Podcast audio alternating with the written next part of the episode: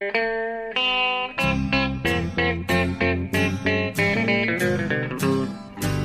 out there, we're on the air. It's hockey night tonight. Tension grows, the whistle blows, and the puck goes down the ice. The goalie jumps and the players bump, and the fans all go insane. Someone roars, Bobby scores at the good old hockey game. Oh, the good old hockey game is the best game you can name. Hallå, hallå, hallå, hallå, hallå, hallå där, hallå, hallå, hallå, hallå. Yes, hallå, hallå och välkomna till eh, NHL-podcasten med, eh, som ni hörde där, Jonathan Ekeliv, Ja. Mowgli, Ondskan, Bamse, Bambi, eh, hemmahörande i Örby, just nu på plats på redaktionen i Stockholm. Stämmer? Och eh, mig, Per Bjurman, eh, tillfälligtvis i New York igen, hemma i Horken. Mycket stökig som den alltid blir, mitt under Stanley Cup. För när vi spelar in detta 194 avsnitt, då befinner vi oss eh, precis i skarven mellan första och andra Stanley Cup-omgången 2018. Vi har eh, sju av åtta matchserier i första omgången är avklarade. En återstår. Det blir en Game 7 mellan Boston, Bruins och Toronto Maple Leafs. Tjenare Ekan, hur mår du? Det kallar jag intro. Du. Oh, det, där, det, där var, det där var nästan som ett eh, uppläst bloggintro höll jag på att säga. När du har suttit i flera timmar och, och, och förberett. Ja, det kom spontant. Jag var, jag var eh, ansatt av Åke Strömmers eh, ande. Ja, det, det brukar inte jag bli. Så det är bra att du har tagit över sen en tid tillbaka de här introna i podden också. Eh, Ja, Ja, men det, känslan är ju fantastisk. Det, vi har mycket att, snacka om idag känns det. Det är massa serier Ja, som har varit och framförallt serier som ska vara. Och sen så det faktum att vi har en supermatch kvar den här rundan också innan vi på riktigt kan börja titta på, på vad som kommer i round 2 så att säga. Ja. Och som sagt, det är avsnitt nummer 194. Tror vi kommer, hinner vi, eh, hinner vi nå 200 innan säsongen är över? Det gör vi va? Det kanske blir precis lagom till eh, Ja, final. så här, final eller, eller eh, Rasmus Dahlin-avsnittet.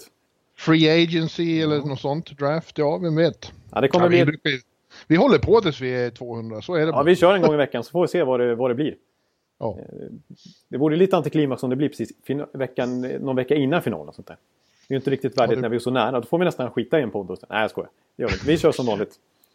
Så vi stannar på 199. Det är, det är någon, vad fan, det var någon NHL-spelare, jag har suttit och gjort eh, eh, massa quizfrågor. Vi har ju en quiz nu för tiden i NHL-bloggen. Ja. Och jag gjorde faktiskt 50 frågor jag gjort de kan ta av framöver. Och det var någonstans jag såg någon som har, vem kan det vara som har stannat på eh, antingen 100, 1099 matcher eller något sånt, eller i poäng, precis innan en sån här milstolpe. Ja, Ja, det är någon. Jag kan inte komma det är någon alltså. Det, det, jag känner igen det också. Är det, det, det, kan det vara poäng 1190 någon, någon, någonting sånt? Ja, nej, nej, det, det känns som att det... Ja, det får man svara Ja, rätt på i quizet sen. Liksom. Ja, det tänker inte vi göra. Nej. Stanna på, på något sånt skit. nej, nej, nej. Vi, vi kör på. 200, det, det, det blir när det blir. Ja.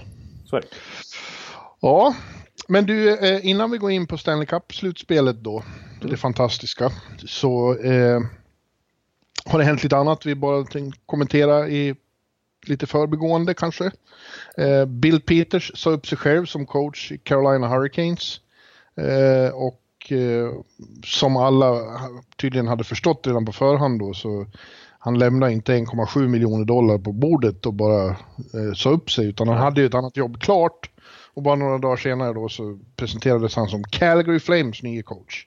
Inte oväntat eftersom han tydligen kommer från, från eh, området.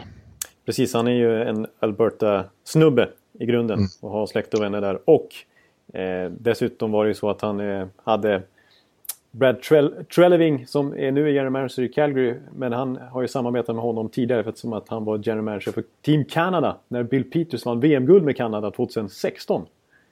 Eh, så de har ett litet eh, samma liksom, relation sedan tidigare på det viset. Ja. Så det var, ja. Eh, jag, Ja, men eh, det låter väl som Bill Peters är ju en bra tränare. Han, han har inte lyckats i Carolina, de har inte gått till slutspel någon gång under hans eh, tid där. Eh, men eh, det känns som en, en bra fit i, i, i Calgary efter Gullutsson som inte heller har lyckats nå vidare där. Nej, alltså ja. Guldet sen, det var ju en... eh, Alltså, ändå läst lite grann att spelarna verkar ha varit ganska nöjda med honom. Det kanske man inte trodde efter att ha sett det YouTube-klippet i, från i, i vintras när han kastade upp en klubba på läktaren under en träning och skällde ut dem totalt. Men annars ska han ha haft en varit ganska bra relation med spelarna. Och, och jag läste Mikael Backlund tyckte det var lite tråkigt att han lämnade för det, de hade liksom en bra relation sådär. Eh, men eh, han har ju inte lyckats med detta Calgary som ju signalerade inför säsongen att nu ska vi ta nästa steg. Vi ska inte bara gå till slutspel utan vi ska göra någonting i slutspelet. Ta oss förbi några runder liksom. När de eh, mm. skickar första val och andra val och så vidare mot Travis Hammonick. Eh, förlänger med några spel, liksom, har några, de spenderar till lönetaket faktiskt. Men så slutar det i en, en, en riktigt tråkig vår här. När de kollapsar ja. lite grann. Eh, ja. Och... Eh, eh ja, de har jättefin backsida på pappret som inte kom upp i den nivå man hade förväntat sig. Nej, exakt. Eh, och då känns det som att coachen har lite med det att göra ändå. Ja. Det är väl bara det att det, det har varit lite väl mycket omsättning på coacher i Calgary. Jag, jag såg Mark Giordano, jag tror det här är sjunde coachen han spelar för i Calgary. Ja, det är väl inte det är inte alldeles lyckat. Nej. Nej. Det blir liksom ingen riktig kontinuitet. Det blir många eh, false starters och nystarter och skit liksom. Men, eh, men jag, tror på, jag tror lite på Bill Pitch. Eh, moderna idéer ändå. Nu, nu var de väl, han har väl tröttnat på honom i Carolina, fansen inte minst. Eh, men eh, han, har, han är ju en Mike Babcock eh. Ja. Hur, huruvida han verkligen är en, en players coach vet vi inte. Han, på presskonferensen igår så fick han, tog han ju själv upp incidenten när han förolämpade Eddie Leck. Just det. Ja. Och, och, och, och, verkligen uttryckte igen ånger över att han hade sagt så. Det var inte hans största stund som coach och han kommer aldrig att göra så igen. Och han ska träffa Calgary Morrisarna och prata om det här. Det, det hör ju till saken att Eddie faktiskt var i Calgary. Men ja. tack och lov får vi väl säga då, han blir tradad innan hans... Före detta, ja fiender kom dit. Nej, de är inte fiender, men, Nej, men den det, som förolämpade dem. Det var en ganska grova ord han hade det. Ja. Eh, men eh, ja, nej, nej, för han är väl lite, han har fått lite stämpel på sig som, ja, inte, inte Babcock-kopia, för det kan man ju inte vara. Det finns ju ingen som är, men ändå lite, lite råbarkad sådär. Och väldigt ja. direkt i sin approach liksom. Eh, och kanske ja. inte den som är kompis med spelarna bara för att, utan han är väldigt så här, målinriktad så att säga och, och vill sätta sitt spel. Han är, han är ju en modern coach. Jag har ju lyft fram honom i flera poddar i rad. Jag försökte ju sälja in honom till Dallas här. Att Jim Neal skulle plocka över sin gamla Detroit-adepter. Eller Detroit-ost som jag råkar säga när jag skulle säga Detroit-fostrad. Men, eh, ja, men ja. Eh, det blev ju Calgary istället av naturliga skäl. Och, nej, men jag, jag, tror att liksom... Han pratar också på presskonferensen just det här som, man, som kännetecknar Bill Pitts lite grann. Att puck possession game liksom. Att aktiv, eh, aktiva försvarare i offensivt såväl ja. som defensivt. Och det, har, det materialet sitter de lite grann på i Calgary. Så. Verkligen, det borde ju vara en, en, en, en gångbar idé där. Ja. ja. Jag tycker för, för Trellvings del, det som är otroligt viktigt för Calgary att lösa nu Eh, för att Bill Peters ska kunna komma någonstans med det här laget trots allt. För att han ska kunna... Men han snackar ju om att... Han snackar ju själv om nu Peters att vi ska gå långt i slutspel. Vi ska vara topp 10 både boxplay och powerplay och så vidare. Men Problemet för dem det är ju bredden på forwardsidan. Den måste Trelleving lösa. För att, jag menar, Gaudreau gör sin poäng bäst sitt bästa säsong. Sean Monahan gör sin poäng bäst sitt bästa säsong. Ändå så gör, är det bara fyra lag tror jag som gjorde färre mål än Calgary den här säsongen. Det säger ju allt om bredden liksom. Spetsen levererade men där bakom finns det inte mycket. De har ingen secondary score, men det har de ju haft. Eh, så sent som i fjol så var det ju bra där med en Backlund och kompani också. Ja, men de kan man räkna in. Alltså, de gjorde det bra. Men jag, jag skulle vilja säga, alltså de gör det ändå helt okej. Jag menar, Backlund kommer nästan upp i en 50 poäng i år igen och Kachak lika så. Men där, därefter är det ett långt glapp ner i poängproduktion till Sam Bennett och till Troy Brower och till eh, Jankowski och det här gänget. Liksom. Det, där, där måste det bli, alltså bottom six så att säga. Det måste, mm. där, där är det, där, det är där det största problemet ligger skulle jag säga. Ja, ja Frågan är vad som händer i Carolina då. Det känns ju som allting är väldigt gungfly där just nu. Fan, de har, nu har de ingen coach och ingen general manager. Nej. Och en ägare som vill, som vill bestämma allt. Som eh. avskräcker. Jag kan tänka mig att Peters eh, gärna sa upp sig där för att ta Calgary-jobbet. Dels för att han ville till Calgary men dels för att lämna Dundon därhän. Ja, det är ju många eh, general managers som har sökt som har tackat nej. Liksom. De, som ja. borde stå först i kön på att få ett eget lag men de vill inte till Carolina. Nej. Det kan jag förstå. jag tycker det är väldigt stora frågetecken där. Det är ett lag som behöver stabilitet och, och, och liksom klara linjer och tydligt mål. Men nu känns det som allting bara, det måste vara jävligt förvirrande för dem som nu åker hem till sina eh, till Europa och till Kanada och USA på andra ställen. Vad, vad kommer hända med vårt lag? Ja, jag, jag tycker det, och det känns, alltså vi har ju alltid hyllat Carolina inför säsongerna som jättespännande och nu kanske de har pusselbitarna för att ta nästa steg. Att komma över den där tröskeln. Men just nu är det lite, nu känns det, alltså överhuvudtaget tycker jag inte det känns så spännande kring Carolina nu. Inte bara på grund av ah, den här osäkerheten kring styrelse, styrelseposter. Men eh, eh, liksom så här, alltså, ja, de har ju investerat i Scott Darling till exempel så det är svårt att lösa målvaktssidan bara hur som helst för en general manager som kommer in. Och, ja, mm. Många spelare i någon slags mellangeneration har inte riktigt eh, blivit de här världsstjärnorna. Så. Scott Darling kanske kan få en chans till att bevisa sig ja. nu, nu, när, han, när, när han vet vad den här rollen innebär. Kanske han kan få en sommar på sig verkligen bli den alla tror att han kan vara. Det, fin, det är precis, det finns ju ett antal sådana exempel sedan tidigare. Att man behöver inte ge upp på en person efter en säsong. Liksom. När det har funnits tecken tidigare. Nu går vi vidare Jonathan och ja. en annan nyhet är ju då att eh, Minnesota Wild också tog ett drastiskt beslut här igår och eh, sparkar general managern Chuck Fletcher som har varit där sedan 2009. Ja. Och eh, det var ju som sagt dramatiskt. Han har ju varit väldigt profilerad och satsat jävligt hårt i många år på att bygga ett mäster, mästarlag. Men eh, har ju misslyckats med det då. Ja. Eh, att, att det går, att de åker ur i år i första rundan för tredje året i rad för övrigt, vilket ju såklart svider hos ett lag som med ambitioner. Ja. Eh, men att det, att det gick åt helvete i år var inte konstigt. Alltså de fick gå in i slutspelet utan Ryan Suder och så var Zach Paris skadad. Det går inte mot ett så bra lag som Winnipeg. Nej, det var för mycket som inte funkade för dem. Nej, och det var ju inte... Man brukar ju... Det fnissas åt Bruce Bedros eh, playoff record ibland, men, men det här var, kunde inte han göra något åt. Nej, de var inte tillräckligt bra. Och, och, och, det, och, det hade sina omständigheter så att säga. Det var inte bara lagbygget och så. Eh, men, men eh, med tanke på hur mycket de har satsat och vilka de har knutit till sig, att de åker ut tre, första rundan tre år i rad och aldrig under den här eran gått vidare från andra omgången. Det är ju ett misslyckande, så är det bara. Ja, för de har ju trots allt spenderat i taket och jag menar de vi nämnde, Paris och Suder, det var ju riktiga bombvärvningar när de presenterades typ 2012. Ja. Och jag menar, nu är vi här 2018, det har ändå gått en sex år sedan dess. Eh, och ja. det var ju deras prime de tog in dem i. Så de börjar bli lite det... till åren nu liksom. De skulle ha kommit, ja. Det är nu de skulle ha lyckats. Det var det här fönstret som, som gällde så att säga. Samma veva var ju Vanek en stor eh, signing också som inte blev någonting av med. Det finns några dåliga exempel han har i, på sitt CV där med Hansal till exempel inför förra årets slutspel. Det blev ju dunderfiasko. Ja. Eh, han har tränat bort Nick Ledder honom... mot ingenting en gång i tiden. Ja. Ja, men han hittade ju Erik Stahl som en, eh, en eh, ja, vi kan inte kalla honom oslipad, oslipad diamant, men mer en diamant som folk trodde hade slutat glänsa. Ja, och visst. började glänsa i år igen, verkligen.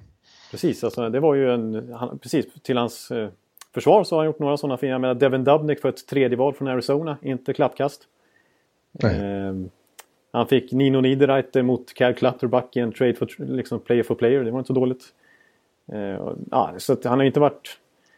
Nej, han har inte varit dålig, men det har alltid känts så här som att trots de här satsningarna och tunga namn som har kommit, det är alltid något litet som har saknats vad gäller själva liksom, spetsen. De har inte haft någon riktigt, riktigt superstar som har liksom gjort skillnad. Nej, precis. För Parisi kostar ju så mycket som en superstar men han har ju varit skadad majoriteten av sin tid. Så han blev ju inte den där förstärkningen de hade förväntat sig. Eh, med, och liksom, jag kollar nu, liksom, Eric Stahl han gjorde ju 76 poäng den här säsongen, jättebra. Men han är första spelaren i Minnesota sedan 2010 att göra över 70 poäng. Jag menar, ett, ja. ett topplag har ju...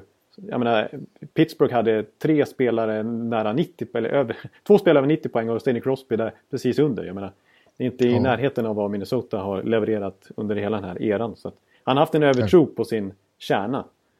Ja, eh, och, och, och, och, ja, och, och, kollektivet har inte heller haft förmågan att höja sig när det har blivit slutspel. De har fortsatt på ungefär samma sätt.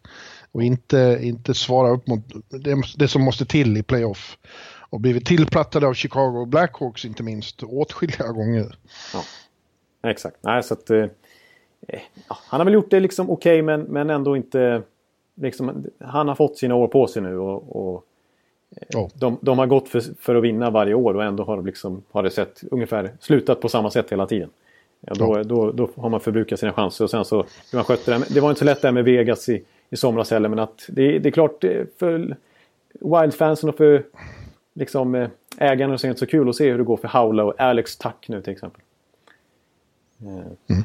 Ja, frågan är vem som ska komma istället. Jag såg ägaren, vad heter han, Leopold? Ja. Leopold. Ja. Han, ja, inte nödvändigtvis någon som kommer att riva upp allting, men han vill ha någon som inte står i liksom, uh, har för stark relation till vissa namn i truppen, utan kan ändå sätta lite ny stämpel på allting. Ja, det kanske är vad de behöver faktiskt, riva upp lite grann det. Ja, men det är väldigt svårt att spekulera om vem som blir ny general ja, manager. Ja, det är skitsvårt. Alltså. Det finns så många namn och det är assistant GMs hit och dit. Och, ja, ja. Det, vet, det vet man inte. Jag, jag tycker att jag, jag tycker att jag borde få jobbet. Det tror jag definitivt. Jag tycker, jag tycker, det skulle vara en skräll om Leopold ringde mig och sa att nu, jag, jag har läst din blogg och jag tycker det låter som du ska göra det här. ja, du har diger erfarenheten. Ja, verkligen. 13 år följt nästan varje natt för natt följt NHL. Lite dalmål i omklädningsrummet skulle ja. behövas. Det är ett starkt argument du har på din sida när du ska sitta och intervjuas där. nu går vi ut och spelar. Ja, ja det är, jag menar så. Det är inte svårare än så.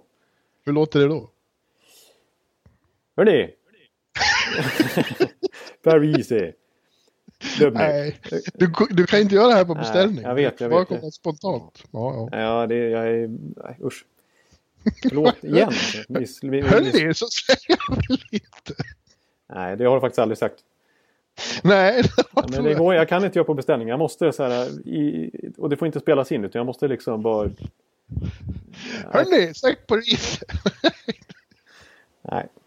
Ja, nej. Nä, nästan bortklippningsbart, men vi, det, får, det får vara. Nej, nej, nej. nej. Det får Sånt här är uppskattat. Ja, ja, ja. ja. ja du, då går vi en sak till innan vi, ja. innan vi eh, går in på, på slutspelet. Eh, matcherna som spelas nu är fantastiska och, och, och, dramatiska och underbara och andra omgången kommer att bli helt otroligt tror jag. Men vi har ett nästan ännu större drama på lördag som inte är match utan eh, en torr sändning från en tv-studio i Toronto, eller om det är här det är ju draftlotteriet då som nu äntligen kommer på lördag. Jag, jag har min känsla att de brukar göra det här tidigare, men i år har de verkligen dragit ut på det. Ja, ja, ja jag har min känsla att det är ungefär någonstans runt den här perioden, ja, slutet av april. Ja. brukar börja när slutspel Ja, de här 15 lagen som inte är med ska ju ha någonting att göra de också. ja, precis. Och de vill ju veta inför sin off-season i, i tid här. Men det blir ju extremt spännande för oss svenskar då eftersom Rasmus Dahlin kommer att bli, gå som etta och eh, när det här draftlotteriet är klart så vet vi vilken klubb han kommer att spela för. Ja. Eh, som draftlotteriet är eh, arrangerat så är det som då att de som kom sist har störst procentchans. Vad har Buffalo som... Ja, 18,5 är det va? Ja, 18,5. Mm.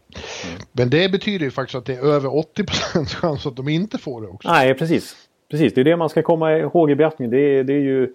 menar, det är ju... Eh, nu höll jag på med någon matteterm, men det, det, ja, det de har ju bara en femtedels chans kan man säga. Oh. Att, att vinna här. Så det är ju betydligt större chans att det blir någon av de andra 14-15 klubbarna som, som, har, eh, som är med här. Ja, det är galet. Jag eh, har ju fått, eh, men det är ju bara hokus pokus och, och mambo jambo med magkänsla, men ändå så, så har jag fått för mig att det blir eh, Detroit eller Vancouver. Ja, ja du, du, du tänk, ja. tänk, om, tänk, tänk, om det blir Vancouver, då har vi alltså eh, Elias Pettersson, Jonathan Dahlén och Rasmus Dahlin. Det, det är som att Lidas, Foppa och Sudden skulle hamna i samma lag, ja. ungefär. Ja, det är de mest...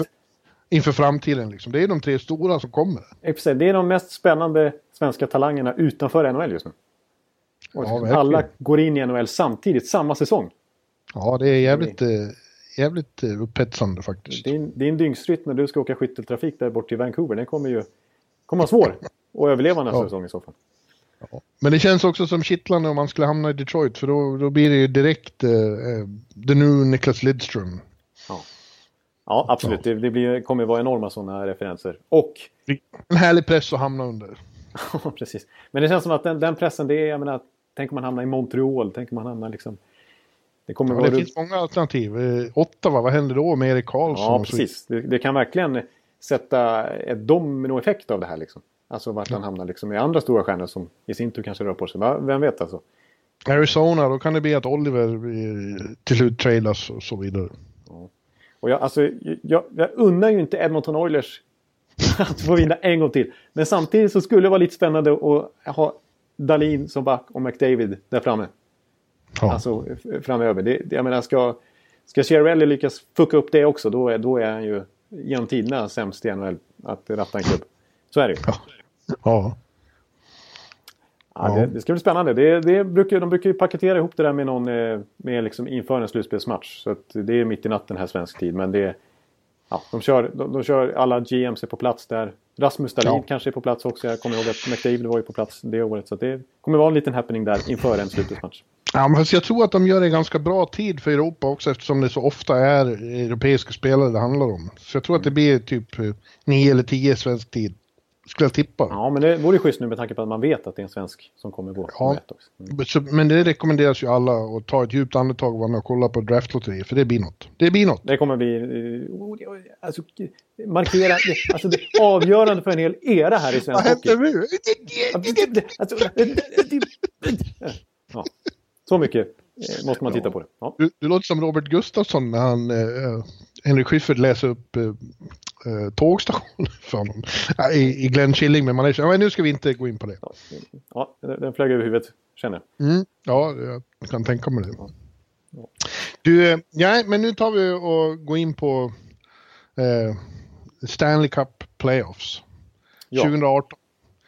Som sagt, största eh, lejonparten av omgång ett är över. Vi har tre serier klara, men eh, en dröjer kvar då. Vi kan ju börja med faktiskt med den att eh, eh, det blir en Game 7 i TD Garden i Boston imorgon mellan Boston Bruins och Toronto Maple Leafs. Det hade man inte trott när det stod 3-1 till Boston. Nej, det hade man... Det, det, nej, precis. Så, och så som Boston inledde den här serien genom att fullständigt köra över Toronto. Ja. Och 20 poäng av första kedjan. Och vi, jag satt och imiterade dig förra veckan och sa mördande liksom start av, av den där. Ja.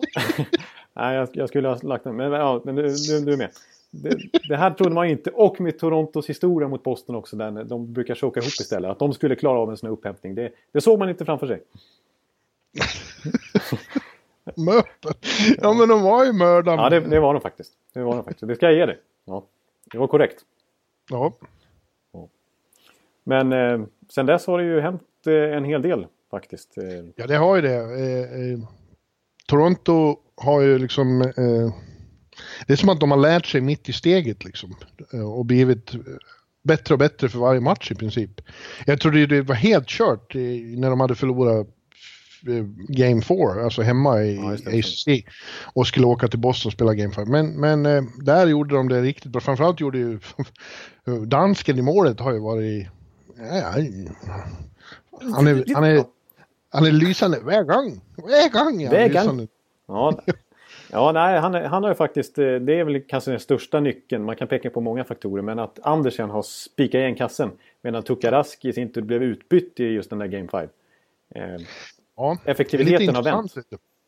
Det är lite intressant med Tukarask. Alltså jag, jag hörde på vår, eh, vår oh, omsusade NHL Radio här när jag hade hyrbil en vecka. Ja. Eh, och eh, alltså han har jättedålig stats i elimination-matcher överhuvudtaget. Det ena laget kan åka ur. Alltså, Ja, inte nödvändigtvis att Boston kan åka ur, men elimination, jag tror han spelar 19 och förlorar 13 av dem. Nu 14 då, av 20. ja, det är lite Det märkligt. är, ja, Eh, För att nej, han har inte varit eh, sig lik riktigt här på slutet medan Andersson som sagt. Det, för det är ju hur man än vrider och vänder på det så släpper man in billiga mål medan den andra målvakten spikar igen. Då spelar det stor roll hur det ser ut på isen för jag vill ändå påstå att Boston mycket väl hade kunnat vinna båda de här matcherna. Jag tycker Absolut, de har snäppet bättre i båda två eller i alla fall väldigt jämnt har det varit. Jag, ty jag tycker att Boston är ett bättre lag, eh, helt enkelt. I grunden. Ja. Eh, och är bättre faktiskt på att spela slutspelshockey. Men, men eh, det, det har inte betytt någonting de två sista matcherna. Just för Andersen, men också lite andra saker. Och jag tror framförallt inte att det nödvändigtvis betyder någonting i Game 7, för då är all bets off. Liksom. Ja precis, det är en Ja. match det handlar om helt plötsligt. ja då kan vad fan som helst hända. Somliga blir ju skakiga och Boston har ju faktiskt en historia av att trampa snett som fan i, i, i sådana avgörande lägen. Eh, både senare år när de har snubblat på, på mållinjen de ska in i slutspelet och eh, ja, vi har ju när de ledde med 3-0 mot Philadelphia ja. för ett antal år sedan och eh, konstiga förluster i finalen här mot eh, Chicago där. Men å andra sidan så vände de ju då en Game 7, eller var det Game... Jo, det var Game 7. Ja, ja mot eh, Toronto. 2013. Ja. Exakt, den, ja, den omtalade. Ja, eh, ja, 2013. Ja, ja, ja, Man blandar ihop åren, men... ja, men vad sa jag? Vad sa jag för fel? Ja, mot Toronto i alla fall. Ja, ja precis. Eh, så jag, det är ju helt... Vad som helst kan hända imorgon. Precis. Och en, en, utveckling som jag inte hade sett framför mig men som, ju, som var inne lite på redan förra veckan som har hållit i sig sedan dess. Det är att alltså, Thomas Plekaner kändes ju inte som någon supervärvning direkt vid trade deadline när han eh, under grundserieavslutningen. Han fick ju knappt spela. Han lirade 9-10 minuter per match. Gjorde inget mål eller någonting. Eh, och, och, fick inget stort förtroende i defensiv zon heller. Som han kanske var inhämtad för. För att bredda centersidan lite och spela fjärde center typ. Men nu när Nathan Caddy då blev avstängd och han har fått tryckas in där så har han ju varit... Han har ju varit eh, fantastiskt bra ihop med Mitchell Marner och Marlowe. I, och, och kanske en, ja, den främsta kedjan som har stängt ner första kedjan mm. i Boston. Eh, mm. De ju, har ju plusstatistik mot dem helt plötsligt. Jag menar, Pasternak börjar med 11 poäng på sina två första matcher. Sen har han varit nollad. Ja, det är ju starkt. Uh, han gjorde sex poäng i en match och sen ingenting. Nej. Det är bra. Det är också anmärkningsvärt med det att vi... Nu tycker jag Mitch Marner har varit ja. sensationell, men... Uh, det är ju annars anmärkningsvärt att Toronto som man hyllar som det unga sexiga laget, eh, att det är de mer rutinerade all-timers som har stått för väldigt avgörande saker i just uh, Marlowe till ja, exempel. Ja, visst. Marlowe har gjort många viktiga mål i den här serien och varit bra i sin shutdown-roll helt plötsligt här. Ja. Uh, och Ron Hainsey på backen har ju faktiskt sett ut som en vettig värvning här. Uh, att plocka han från Pittsburgh i fjol. Ja, honom har jag muttrat lite om för jag, jag har frågat i vilket annat lag som spelar slutspel i år skulle Ron Hainsey vara med i första backparet? Ja, det kan man fråga sig. Ja. Ingenstans, förmodligen inte på så många andra ställen heller. Nej, precis. Så det är inte, så man ska inte tokhylla honom direkt, men han har gjort det, gjort det liksom. Det är som att säga, gubbarna har ändå levererat. Jag menar, och Plekanec på ett sätt kanske man inte ska vara så förvånad, för han är otroligt van att gå upp mot Bergeron och Boston. Alltså, ja. av alla, liksom, han har ju spelat i ligan i många år nu. Eh, ja. och Sen har, går det Howe. Ja, det är nästan, nästan så länge. Plekanes har varit med hur länge som helst. Och han har nästan spelat en hel 82 matchsäsong bara mot Boston. Det är mm. det lag som han har mött flest gånger i hela sin karriär. Så ja. det, är ingen, det, är ingen, ovana för honom att vara, ha en shutdown-roll mot Patrice Bergeron. Liksom. Eh, och även om alltså, de har gjort det... Alltså, Bergeron, jag tycker de har haft lite motstudsar också. Jag tycker de har skapat mycket chanser tycker jag även i de här förlustmatcherna. Men ja, det har varit en, en väldigt fin förändring eh, som Babcock har fått till det. Men det där är ju en käpphäst för mig som jag tjatar om hela tiden. För det, det, det har ju varit mycket tugg då i, i Toronto om att eh, eh, Matthews och Nylander eh, missing in action. Eh, att de inte gör några avtryck i matcherna. Ja. Men det är ju så det är i slutspelet att stjärnorna som får en target on, on their backs eh, av motståndarlaget eh, som nu har hänt med Pasternak då. Mm. Eh, de, de, de, det läggs ju en enorm energi på att radera dem, ta bort deras utrymme, deras tid, deras svängrum eh, och är stenhårt fysiska mot dem. Det är inte alls som det är under... under Nej, inte, inte som i omgång 61 liksom. Nej, och det blir otroligt mycket så. De flesta klarar inte... Det finns några lysande exempel på så här Conor McDavid och Crosby-typer som, som klarar av det ändå från början. Ja. Eh, andra, andra lär sig efter några misslyckade år, men för de flesta så blir det mycket, mycket sämre i slutspelet. Eh, jag, jag, tyckte Robert Hägg sa något jävligt bra här. Jag pratade med honom efter en av Flyers-matcherna om, om ja. skillnaden mellan... Han fick ju äntligen debutera då. Ja. eh, när de vann, när Philly vann Game 5 mot Pittsburgh i, i, i Pittsburgh, lite oväntat. Mm. Då, då, gjorde han sin första match och kom in och var fysisk och bra. Mm. Och frågade honom hur han upplevde skillnaden. Han sa ja, det är stor skillnad. Så det, det är som när det är två minuter kvar av en grundseriematch och står 2-1, fast hela tiden. Ja, det är faktiskt en, eh, en bra liknelse som man förstår. Tycker jag. Ja, ja. Och eh, ja, eh, och just därför då så krävs det ju, precis som du var inne på lite tidigare, att, att tredje och fjärde kedjan och att liksom eh, birollsinnehavarna kliver fram längst fram vid frontlinjen och håller hold, hold the line. Det är så man vinner. Exakt. Ja, precis. Eller om man har så, så jävla förspänt som Pittsburgh kan sprida ut eh, superstarsen i tre kedjor. Då blir de ju väldigt svåra att, att försvara. Fast med hur man än matchar upp mot dem. Ja. Så att säga. Mm. Ja. Ja, det, det är en ruggig poäng i det. Och, ja, jag måste säga att alltså jag, Bruce Cassidy tycker jag är en fantastisk coach. Och har stor ja. del i, i Bostons metamorfos, som man kan kalla det, sen eh, han tog över det. Eh, men, eh, och han tycker, ja, han tycker jag har gjort det bra den här serien också. Men nu, nu tycker jag att han börjar få lite sådär i de här förlustmatcherna att han börjar experimentera lite för mycket. För jag berömde Boston så mycket inför slutspelet att jag tyckte att hierarkin var så bra. Att de hade mm. köpt sina roller liksom.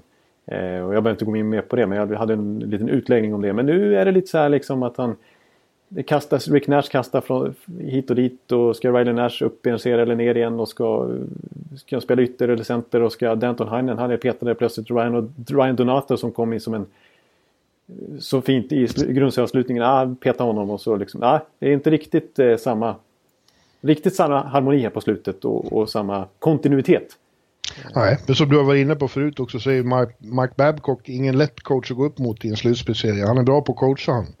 Ja, det vill jag ju anse hans kanske största styrka som coach. han är bra ja. i slutspel och hittar matchups och sådär. Det brukar han. Ja, och kan styra om när man hamnar i trubbel som de har gjort och ligger under 1-3 så har han svar. Ja, precis. Och jag måste säga, ett av de svaren det är faktiskt att han har petat bort Leo Komarov nu som visserligen har någon skada men som är redo att göra comeback. För att han tycker att Andreas Jonsson som han petat in, han har varit mycket bättre.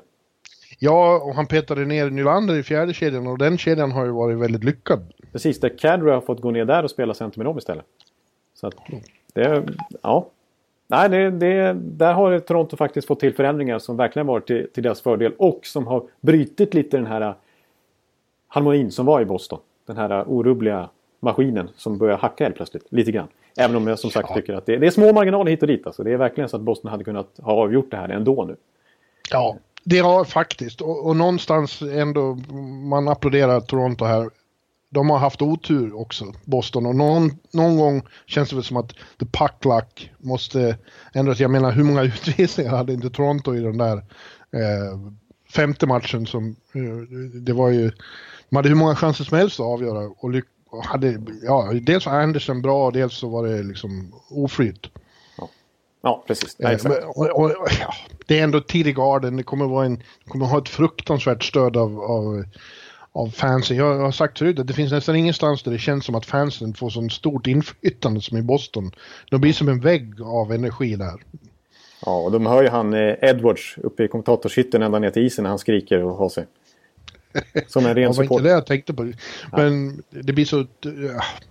Ja, igen. Det är svårt med Game 7 att veta hur de ska sluta men... Ja, jag, jag, jag skulle inte spela mot Boston ändå i det här ja. läget. Alltså hur man än vrider och vänder på det och man hittar massa fördelar och man kan verkligen berömma Toronto som går ihop sig väl alltså på ett fint sätt här efter den här tragedin som inträffade i stan också. Som liksom, de spelar inte, men de spelar inte bara för liksom the logo on the chest nu utan det är en hel, det är för staden Toronto som... Ja, som, ja det kan ju spela in den faktorn ja. också, absolut. Men, men, men, men Boston eh, är, trots allt eh, sett över de här sex matcherna som har varit hittills så är de det bättre laget i stor majoritet av minuterna som har varit tycker jag. Och då, jag, tycker, jag tycker att de ska gå vidare. Faktiskt. Och på Floridas västkust sitter ett lag och bara väntar på inte har något emot dem att, att det blir en Game 7 och att eh, de eh, får kriga riktigt hårt de här två Nej. lagen. Tampa Bay Lightning. Eh, och jag kan ju fråga dig då, det är ju ingen hemlighet att du är, är Sveriges kanske största Tampa Bay Lightning-fan. Åtminstone den mest kända som får skriva autografer och göra selfies på stan och så. Ja, efter, en, en gång i alla fall. Så, ja. så eh, vem, då frågar man ju dig då, vem skulle du helst möta? Toronto eller Boston? Och be careful what you wish for. Ja, verkligen. Det, det, det, nu jinxar man upp det totalt. Nej, men alltså. Det, det, alltså skulle Toronto vända här då känner jag samtidigt att de skulle få en ruggig boost på nytt. Alltså, ja. då, då, blir de, alltså, då blir det Toronto mot världen ungefär. Eh, men eh, Eh, ska, ska jag titta så här så då måste jag säga att, att, att Boston vill jag inte gå upp mot. Alltså det är, jag, tror, jag tror Tampa har sex segrar i TD Garden någonsin. Ja. Det är, liksom, det, det, det, det är katastrofarena för Tampa. Det är lag som de, räknar man in hemmamatcher också så är det lag som de har lägst vinstprocent mot genom tiderna i klubbens historia. Eh, och ja, alltså de förlorar ju en konferensfinal mot dem senast de stötte på varandra i slutspelet. Det var ett tag sedan 2011 men det sitter i fortfarande hos Tampa-fans. Fans. Eh, Milan Lucic avgjorde i slutet i Tidigarden. Mm. Och eh, jag menar, vi kan bara dra upp en sån sak som att Steven Stamkos bröt benet i tidig garden. Så att eh, det, det, det, är inget lag som Tampa vill möta. Man vet, det är mentalt underläge eh, då. Så är det. Så att eh, hell, hell Egentligen vill du inte möta någon. Nej, jag, jag är så. Jag har ju sagt det. Jag vill helst ha en fribiljett till finalen. Eh, det skulle ja. vara mitt dubbellägg om jag fick välja. För jag är alltid pessimistiskt lagd till eh, motståndare. Alltså. Ja, ja. ja, men nu lyckades de i alla fall till slut eh, peta bort New Jersey i fem matcher. Ja. Eh, och det var väl... Eh, ja, Devils gjorde det bra. Alltså, de har ju mycket hjärta och karaktär i truppen och, och, och, och väldigt många fina unga spelare. Och det här var ju en fantastisk lärdom för dem som, som eh, de kommer ha stor nytta av i framtiden. Men, men i det här läget så var det ju de gånger eh, Tampa kom upp i normal nivå på sin högsta standard och det kanske de gjorde i Game 5 då, då var det inget snack. Nej, precis. Det, Tampa rivstart i den första matchen och lyckas eh, vinna ganska komfortabelt i det. Men hade lite problem uppe i New Jersey. Jo. Mm. Det, var, det var jämna matcher där som hade gått, kunnat gå verkligen åt Devils favör båda gångerna. Ja, de började spela på ett konstigt sätt. De skulle vara fysiska och, ja, och lite nasty. in i Coleman och Boyle och så vidare. Så... Ja, det tycker inte jag känns som Tampa alls.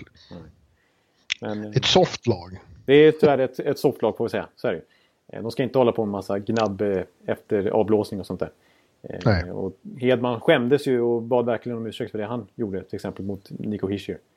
Ja, det var ju faktiskt rätt så fantastiskt att höra vad han sa där ja. eh, efter den matchen. Att, eh, ja, jag, jag, sa det, Viktor de buade åt dig idag. Ja, det gjorde de rätt i, så det förtjänade jag. Det var otroligt dumt gjort, det har ingenting på isen att göra. Jag, jag har hört av mig och bett om ursäkt. Det, det bara blev fel. Precis. Det är så man skulle vilja att Brad Marchand till exempel sa ja. någon gång när han har, efter sin tackling på Marcus Johansson. Ja. ja. Eh, så, eh, men Nej. Ja, de, men det finns ju några positiva tecken för Tampa verkligen är ju att Vasilevski har börjat spela riktigt bra vissa matcher och att ja. Kucherov är het igen. Ja, Kutjerov, han gjorde ju 10 poäng i den här serien och det är faktiskt ingen Tampa-spelare någonsin som har gjort så mycket i en slutspelsserie. Då var det bara fem matcher nu. Eh, och generellt sett, som jag var ute och twittrade om det så har han ju... Nu är Jake Gensel förbi här faktiskt. Men eh, ja, alltså Kutjerov har det näst högsta målsnittet av aktiva NHL-spelare i slutspel. Gjort 27 mm. mål på 50 matcher.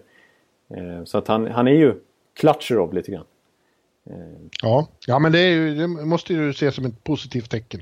Ja, precis. Och det, bredden funkar liksom. Så har det ju varit. Och, och till och med ett stort orosmoment har varit boxplay som att det var typ nästan sämst i hela ligan i grundserien. Framförallt på slutet av säsongen. Men ja, Devils gjorde två mål i fem mot tre och ett annat powerplay-mål. Men annars så stängde de igen butiken i 17-18 boxplay.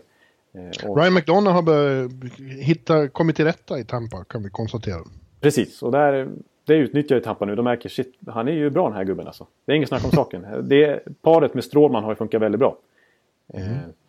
Och Hed... Ja, som Tobias Pettersson sa, får han bara slippa Girardi så blir det bra. Ja, precis. Och nu spelar Hedman med Girardi och har gjort noll poäng i på de här fem matcherna. ser, vilket sänkaren är den här Girardi alltså. Eh, jag tycker ja, det... Hedman varit bra i matcherna ändå, men han har faktiskt eh, gått från liksom poängtoppen i grundserien eh, i, bland alla backar i ligan och Norris eh, nomini till att eh, faktiskt vara nolla där mot New Jersey. Men jag är inte så orolig för Victor Hedman på något sätt. Men, nu är det svårt att tippa något eftersom vi inte vet vem de möter, men låt, låt mig säga så här, de, jag tror de slår Toronto och de åker ut mot Boston. Eller också tror jag de slår båda. det, det får du gärna säga. Nej, men jag, jag, tror, jag tror faktiskt av de här tre lagen, om man klumpar ihop dem, så skulle jag ranka eh, i grundserien. Det är ju Tampa som är hemmaplansfördel, men jag skulle ändå ranka Boston högre, Tampa 2 och Toronto 3. Ja, det skulle jag också ha gjort efter grundserien, men nu, nu, nu är det slutspel och Boston... Eh, eh, ja, jag vet inte. Det, det, det, är inte hundra där längre. Nej, det är det faktiskt inte. Det, är inte, det, är inte, det flyter inte på på det där fina sättet. Nej. Och då, då har de haft en tendens att, att, att, att snubbla. Liksom. Ja, exakt. Och ska vi knyta ihop med det du sa först så har ju Tampa fått vila ut lite här också. Borde ju vara en fördel, tycker man. Ja, och de har vi ska komma ihåg att Tampa har en mördande offensiv. Mördande? Ja, det har de.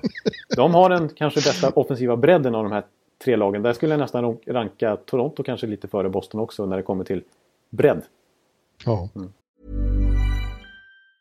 Quality sleep is essential for boosting energy, recovery and well-being. So, take your sleep to the next level with Sleep Number. With a Sleep Number smart bed, you can individualize your comfort level and enjoy a better sleep night after night. JD Power ranks Sleep Number number 1 in customer satisfaction with mattresses purchased in-store. And now the Queen Sleep Number C4 smart bed is only $1,599, a saving of $300 only for a limited time.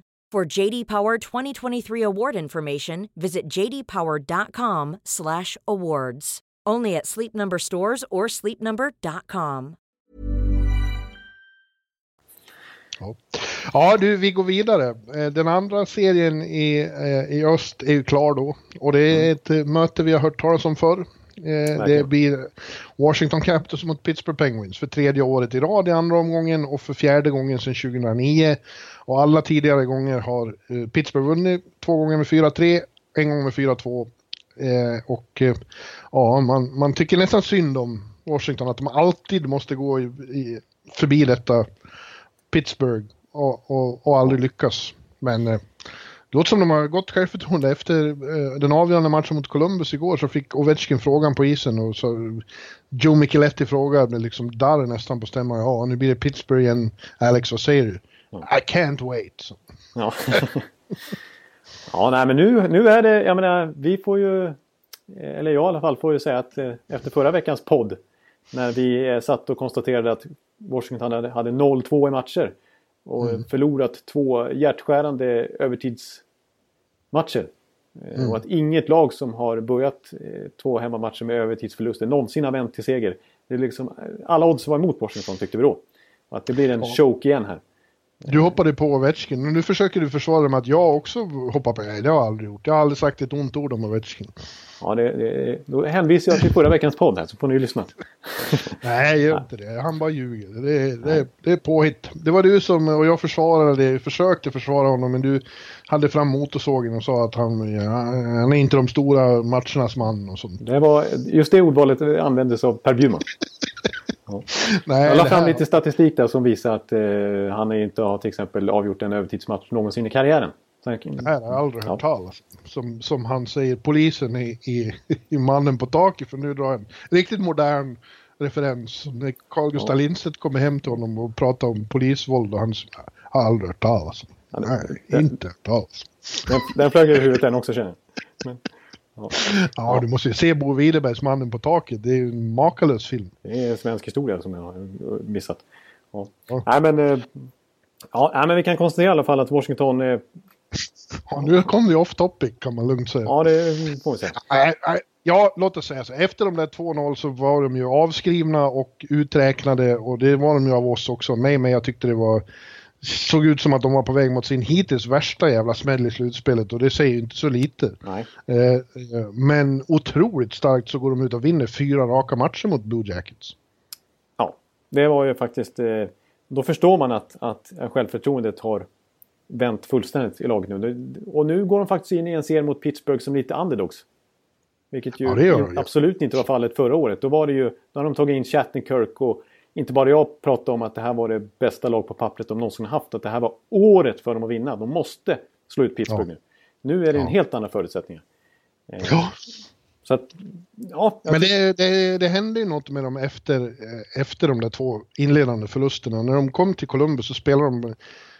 Det var något, det var något nytt med dem. Eh, att de var samlade, tålmodiga, spelade tight och, och liksom det var som att Beckis eller någon hade satt ner foten i omklädningsrummet. Nu gör vi det här på rätt sätt. Ja. Och vi håller inte på att få panik och bli för, för liksom panikslagna. Ja, eh, och, och, och, alla liksom, de spelar som lag och, och höll ihop. Och, Vetchkin jobbar som fan hemåt och sånt. Precis, och ja. Och Ja, alltså, det där är det som du underströk där också med att de spelar tight. Alltså, för det första, de, Washington är ett lag som är vant vid att ta tag i taktpinnen och Mm. Och liksom var det lag som för spelet. Men i många av matcherna som de faktiskt vann mot Columbus så var det ju Columbus som tryckte på 5 mot 5 framförallt. Och, och, ja, verkligen. Men, men det var Washington som var smartare faktiskt. Ja, eh, faktiskt. Och skapade de farligaste lägena trots mindre offensiv zontid. Och opportuna, när, när chanserna kom så small det. Och på, i, vid väldigt rätt tillfällen ofta. Precis. I synnerhet i matchen igår. Så fort Columbus kom i närheten så small det åt andra hållet direkt. Precis, och de här, de här grejerna som har varit lite genomgående för Washington mm, titt som tätt i slutspel och som jag klagar på lite de här två förlustmatcherna. Det är liksom allt det där ställdes åt sidan. Bara bort med det. Det för, alltså i de här fyra vinstmatcherna. Jag menar, jag tyckte att de var, det var liksom powerplay fungerade men 5 mot 5 så gjorde de inga mål. Men de gjorde bara två 5 mot 5 mål i de där två förlusterna. Men sen gjorde de 13 i de här fyra vinsterna. Och ändå funkar mm. powerplay fortfarande. Det, och det, det här med bredden att, att en sån som Chandler Stevenson och Jay Beagle och Tom Wilson och eh, ja, DSP, de måste också leverera. Och det gör de ju. De gör ju två, tre mål var liksom. Eh, ja. Så, eh, ja, och därför blir de svårare att försvara sig mot. Ja, precis. Och, John Carlson är ju faktiskt minst lika bra som han var i grundserien när han vann backarnas poängliga. Han har faktiskt varit ja. ganska dominant i den här serien tycker jag. Anmärkningsvärt också är att Braden Holtby som var petad och inte stod de två första, han kom in sen och, och är riktigt, riktigt bra igen. Ja, han var eh, den Braden Holtby som har vunnit Vesna Trophy. Ja, ta alltså eh, femte matchen som jag var på i Washington i lördags. Mm. Eh, då, I tredje perioden så vann ju faktiskt Columbus skotten med 16-1. Mm. Eh, det var ju total dominans där, men då var han jävligt, jävligt bra. Samtidigt som, ja då var ju Washington lite på hälarna, men, men eh, de redde ut det och då förstod man att det här, det här är något annat nu liksom. För det hade de inte klarat av för några år sedan. Nej, precis. Nej, precis. Det, det är en viktig förändring faktiskt för dem att eh, ja, nu, nu, nu, känns de, nu känns de heta för nu kan man peka på mycket i Washington som, som verkligen fungerar och sånt som måste fungera i ett slutspel. Sånt som inte har kännetecknat Capitals Ovechkin fortsätter ju plaska in mål. Det var två senast här. Och, eh, alla vet exakt vad som ska hända. Det går inte att göra någonting åt ändå. Ja, precis. När han står där på sitt, i sitt kontor i vänstra teckningscirkeln. Pang! Ja. Fem mål i en, en så kallad två mål i en så kallad elimination game. Fem mål totalt i serien. Han sa efter de här två förlusterna att jag lovar att vi vinner båda borta, borta matcherna i Columbus. Och så gör de det. Så att, eh, ja. han har, eh, han har gett svar på tal kan man säga. Ja, Ja, John Tortorella lovade å andra sidan att det skulle bli en Game 7 eh, imorgon. Men det, det kunde han inte hålla, det Nej. löftet. Istället fick han konstatera eh, när serien var slut att eh, det var, var så här, Washington var bättre. Det är inget att ja. orda om. Jag vill hylla Niklas Bäckström också. Eh, han är en sån som ibland anklagas för att bli borttagen i slutspelet. Att han inte märks och gör avtryck och så. Men eh, han, han avgjorde ju Game 5 där då på övertid. Och, och därmed är han den svensk som har avgjort flest eh, övertider i Stanley Cup-historien. Ja, det är ingen dålig merit. Fyra stycken. Nej, det får väl sägas vara rätt så bra facit för en som inte syns då. Nej, precis. En osynlig eh, playoff-choker som har, sitter på den. Och han leder också svenska poängligan i Stanley Cup i år med åtta poäng på sex matcher. Det är mycket respektabel siffra. Verkligen, verkligen, verkligen, verkligen. Ja, mm. nej, det, det är som sagt. Det är ett Washington som är, känns förberett att gå upp mot detta Pittsburgh. Ja, men samtidigt när man kommer till eh, Capital One Arena som den heter nu då, som jag gjorde i, i lördags, så känner man ju det går spöken genom hallen där. Det är demoner som grinar i varje hörn. Eh, för att eh, inget lag har upplevt så mycket trauma och elände i slutspelet eh, som Washington Capitals i den arenan. Nej. Och nu när det blir Pittsburgh så är ju det ett spöke av, av Grand Canyon-format för dem. Exakt. Det, det, går inte mot Pittsburgh. Nej, alltså som, som förra året till exempel när de var Game 7 just i den arenan. Och de, de, de, de presterar inte i den matchen. De, de hade Nej. vunnit, då hade de faktiskt tagit ikapp ett 1-3 underläge. Och kändes ja. då, också då också att det var mycket som började fungera. De ja, men det kändes som det inte fungerar för, för Pittsburgh. Nej, precis. Och så kommer det till den här en match som avgör allt. Och så vek de ner sig får man ändå uttrycka det som.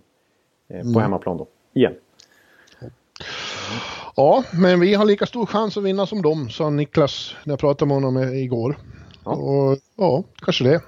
Men Pittsburgh vann då eh, ett mycket, en mycket märklig upplaga av eh, Battle of Pennsylvania. Ja, det verkar som att det måste vara märkligt när de möts. Det... Ja, men nu var det märkligt på så märkligt sätt, höll jag på att säga. Ja, det, så kan det vara också. märkligt på ett märkligt sätt, ja. ja. Eh, för att eh, det, det, det pendlade och svängde hit och dit i styrkeförhållanden. Ena stunden, i början såg det ut som att första matchen var det ju total utklassning och, och, och de två, och sen kom Philadelphia tillbaks på ett starkt sätt och man trodde nu har de någonting på gång inför hemmamatcherna och så var de totalt urlakade i de två hemmamatcherna. Uh, nej, så åker de ner till Pittsburgh där Penguins aldrig kan avgöra nästan hemma. Det är ju egendomligt att de aldrig, aldrig vinner, avgör sin, sina serier på hemmaplan. Nej, precis. De här två raka Stanley Cup-vinsterna har ju varit på bortaplan till exempel också. Ja, ja alla, alla fem Stanley Cup ja, ja, alla till och med. Ja. har varit på bortaplan. Det är något som sitter i klubbens DNA. Ja, det är ju en märklig grej. Men, ja. Ja, ja, men så åker då, som sagt, åker Flyers dit och gör sin bästa match i hela serien och vinner med, vad vann de med där? I Game 5? Ja, ja 3-2. Ja. Och eh, så, så är den här matchen i söndags då. Eh, den var jag på. Och det vart ju, det vart ju som 2012 igen. Det var ju för fan 8-5 innan vi var Ja, det är en sån här absurd eh, bandysiffra liksom. Ja, och Jeg Gensel gör fyra mål. Och, och, och Sean Coots gör hattrick förgäves. Ja, fem poäng i en match som de förlorar. Ja, och då var det riktigt grinigt och jävligt och, och, och riktig cowboystämning på, på stäm, eller vilda västern-stämning på läktarna. Och det var verkligen Battle of Pennsylvania eh, vintage. Ja, verkligen. 70-tals uh, Battle of Pennsylvania. Ja. ja. Men det rasade ihop till slut för uh, Pittsburgh gjorde mål i rätt lägen, bara sa pang, pang, pang. De låg under med 4-2. Patrik Hörnqvist sa ju efteråt att det var när Giro knockade eh, Hagelin med en mm. stenhård tackling. Så att någonting gick sönder hos Hagelin. Vi vet ju fortfarande inte, men jag tror att det, det kan nog vara något käkel eller något. Mm.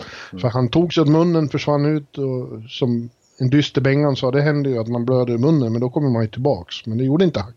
Nej, då är det allvarligt. Mm. Och inte är han med på träningen idag heller. Så att, mm. tyvärr kan det nog vara något allvarligt. Men då sa Bengan att, det var då vi, då tittade vi på varandra i båset och sa nu gör vi det här för Hagge. Och så gick de ut och vände. Och, och som sagt, det, det small några mål på väldigt kort stund. Och det, det är sånt de gör ibland och verkligen demoralisera motståndet. Ja, det finns nog inget annat lag faktiskt, även om vi räknar in styrkeförhållande, men som har just den förmågan att explodera och göra tre mål på två minuter ungefär. Nej, precis. Alltså lägga i en växel som ingen annat lag har. Nej, Nej och de har förmågan, den är otäck, för det har vi ju sett nu två år i rad när de har vunnit, att de, de har den här förmågan att vinna även när de inte spelar på topp. Liksom. Eh, de, har, de har det där sättet och de har sina jävla matchvinnare liksom i Crosby och Malkin och Kessel. Uh, och Gensel får vi faktiskt räkna in där nu alltså. ja, ja, ja. Slutspelsexperten verkligen. Liksom. Fyra mål och en assist, det är sjukt. Fyra raka mål alltså. Är... Ja. Och en grym assist i Hörnqvists mål. Ja, just det. Den var faktiskt riktigt snygg också. Ja, det är... Och Crosby i den här serien igen alltså. Det är ju han och Gensel ja. som delar poängligan, eh, ledningen just nu i hela slutspelet. 13 poäng på sex matcher. Eh, ja. Och han går upp mot Giroud som har en väldigt stark säsong bakom sig och som har the shift att eh, skryta med mot just Crosby ja. en gång i tiden. Och, och som eh, nämns som MVP i grundserien, eh, att han mycket väl kan nomineras. Och vi har ju pratat mycket om hur bra Giroud har varit den här säsongen. Men det, de går ju upp mot varandra rätt mycket i den här serien. Det slutar med att Giroud faktiskt bara gör tre poäng jämfört med Crosbys 13. Att han är minus 10 i 5 mot 5 medan Crosby är plus 7.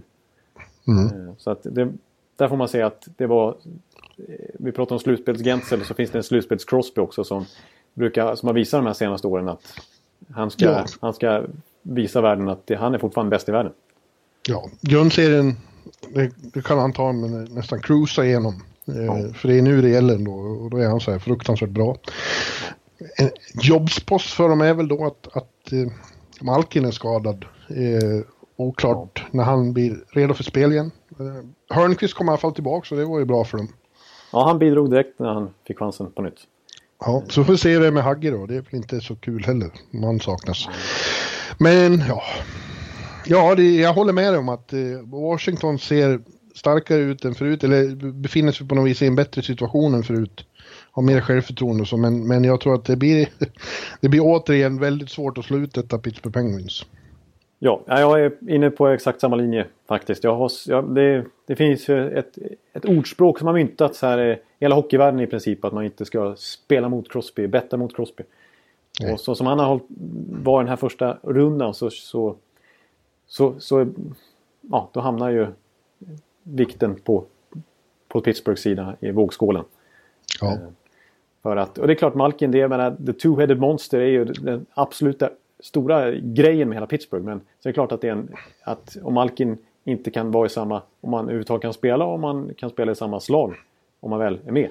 Eh, det är ju en nackdel för dem. Men nej, Pittsburgh känns, det känns som att det här är, håller på att utveckla sig till året för dem igen. Ja, visst gör det. Visst gör det.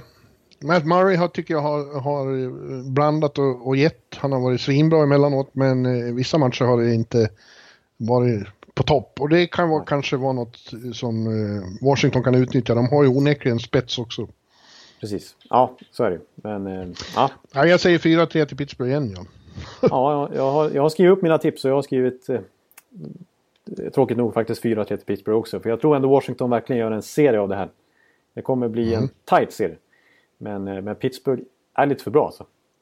Ja, ja vi går över till eh, väst och och det här bör ju påpekas, alltså det känns som den här andra omgången blir den bästa i hela slutspelet oavsett vad som händer sen. För det, och det, tyvärr så säger ju det allt man behöver veta om upplägget att redan i andra omgången så, så möts några av de bästa lagen. Liksom, oavsett vad som händer i den här återstående serien. Och det är något fel på det liksom. Eh, ja, nu, nu, har vi liksom, eh, den vi kommer till nu i Central Division då, Nashville, Winnipeg att inte det kan få vara konferensfinal är för jävligt. Ja, det är alltså, räknar man ihop hela NHL till en enda ihopklumpad tabell så är det ettan mot tvåan som möts i andra rundan. Ja. Och eh, ja, eh, olyckligt. Eh, ja. Vi förtjänar att det ska bli bättre och bättre, inte, inte pika i andra omgången. Nej, precis. Nej, verkligen. För det här är ju piken nästan. Det här känns ju... Visst, Pittsburgh, det finns många lag som, är, som kan vinna det här till slut. Men det här, det här är grundseriens ja, två giganter som möts. Ja, men låt säga att det blir Tampa, Boston, eh, Pittsburgh, Washington, eller Washington, Pittsburgh och, och, och så Nashville, Winnipeg. Det är alla topplagen där. Ja. Det, är för, eh, det är för snabbt. Irriterande, men låt oss istället då vara positiva och, ja. och glädjas åt vilken, vilken förmodligen episk serie vi får se här mellan Nashville och eh, Winnipeg. Ja. Winnipeg eh, hade ju inga problem alls med att slå ut Minnesota. Och, och visst, Minnesota var rätt chanslösa med, med de skador de hade men samtidigt så var ju Winnipeg jävligt övertygande emellanåt också. Ja, de hade eh, några perioder när de var eh, alltså, fruktansvärt bra. Ja, och på olika sätt. Liksom. De, har, de har ju fantastisk spets med fantastiskt spelare med skills och, och begåvning och kreativitet liksom i, i Line och Connor och... och, och som gör fyra mål. Och... Ja. Ja, samtidigt kan de vara så fruktansvärt fysiska framförallt är det ju en spelare då, Dustin Bufflin, han dominerade ju fysiskt på ett sätt som nästan var skräckinjagande i vissa matcher ja. mot Wild. De flög verkligen som, som vantar över isen, ja. Wild-spelarna, utan att han var oschysst. Liksom. Nej, det var ju fina, bara... fina ingen av dem är ju på gränsen tycker jag, utan det är klockrena tacklingar där han håller nere liksom eh, armbågar och så vidare. Ja, knallhårt. Alltså ska man, ska, man, ska man slå ihop eh, ett eh, highlights-paket på våra tacklingar i första rundan, då tar ju Bufflin eh, majoriteten själv. Ja. ja. Ja. Ja. Och så har de en lysande målvakt i Helle, ja, hur säger man hans namn? Hellebuck? Ja, vi säger Hellebuck. Vi, vi säger det snabbt. Så att, det, det inte blir... Hellebucken. Hellebuck. Helle, vad var det vi sa? Klutebucken. Klutebucken. I, i Islanders där. Det här är Hellebucken. Och nu är vi tillbaka på vår roadtrip. Då höll vi på att fjanta oss med, och det var ju fruktansvärt roligt. Vi gick och sa Klötebucken hela tiden. Ja, ja, ja. Det, det, vi ramlar fort ur det röda spåret här. Ja, Klötebucken, Helleböcken Han kommer att ja. göra många räddningar han. Det kommer han att göra. Men, ja, men man, kan, man kan ju hylla då eh, Pekarinne som förmodligen bäst sina vinnare i Ja, men nu pratar vi fortfarande men, inne på Winnipeg. Ja, ja, precis. Men Hellebuck är också nominerad till det priset. Ja. Och de har också, nu har de inte hemmaplansfördel, men de har fördelen av att vara i MTS Bell Place några gånger. Och det har ju varit helt eh, otroliga scener där från deras whiteouts. Det, ja. det, det, det, ser liksom futuristiskt ut, det ser ut som på film. Ja, det, eh. det ser helt annorlunda ut mot en normal hockeymatch, onekligen. Ja, och eh, ja, jag har haft mina finska kollegor där och de är alldeles eh, upp, upp i, i brasan höll jag på att säga vad nu det är. Det, det, ja, det är oklart. Men jag, ja, det var sånt där ekelivetryck så att jag känner medlidande i ditt, i ditt ja, ordval här. Ja. Men alldeles till sig i alla fall. Av, ja. hur, av hur coolt det var, vilken fantastisk stämning och så. Ja. Etta i eh, Men det har ju deras motståndare. Ja, men deras motståndare har ju på, på den punkten är ju jämbördiga för det är fort, nu är det återigen eh, Honky Tonk-fest i Nashville på, i Bridgestone Arena. Ja. Det är ju fruktansvärt högljutt och det kommer in countrystjärnor och sjunger. Och, eh, ja, de hade eh, inte alldeles lätt mot Colorado Avalanche. Eh, Colorado gav dem en, en rejäl och mycket imponerande och övertygande eh, resa. Eh, jag måste säga att de väckte enorm respekt hos mig och, och, inte bara hos mig utan hos andra betydligt viktigare karaktärer än mig. De, de gjorde det fantastiskt bra, Colorado, tycker jag vi kan säga. Ja, precis. Det får man säga. Och P.K. Subban som blev uppsnurrad rejält av McKinnon i, i Game 5 där alla trodde att Nashville skulle avgöra. Eh, han konstaterar efter serien att han förstår alla som har röstat på McKinnon som MVP. Det är hans MVP i den här ligan. Han har ja, en Hall of Fame-karriär framför sig och har extrem respekt för honom. Han är osannolikt bra hockeyspelare. Så. Ja, ja, de är ju det. De har, de har den extrema talangen men de har också sån jävla... Vilket hjärta och vilken karaktär. Liksom. Ja. ja, det var många som var... verkligen höjde sig ett snäpp till faktiskt i slutspelet mot grundserien. Det var en otrolig bedrift att överhuvudtaget ta sig dit. Och sen att ja. kräva det här...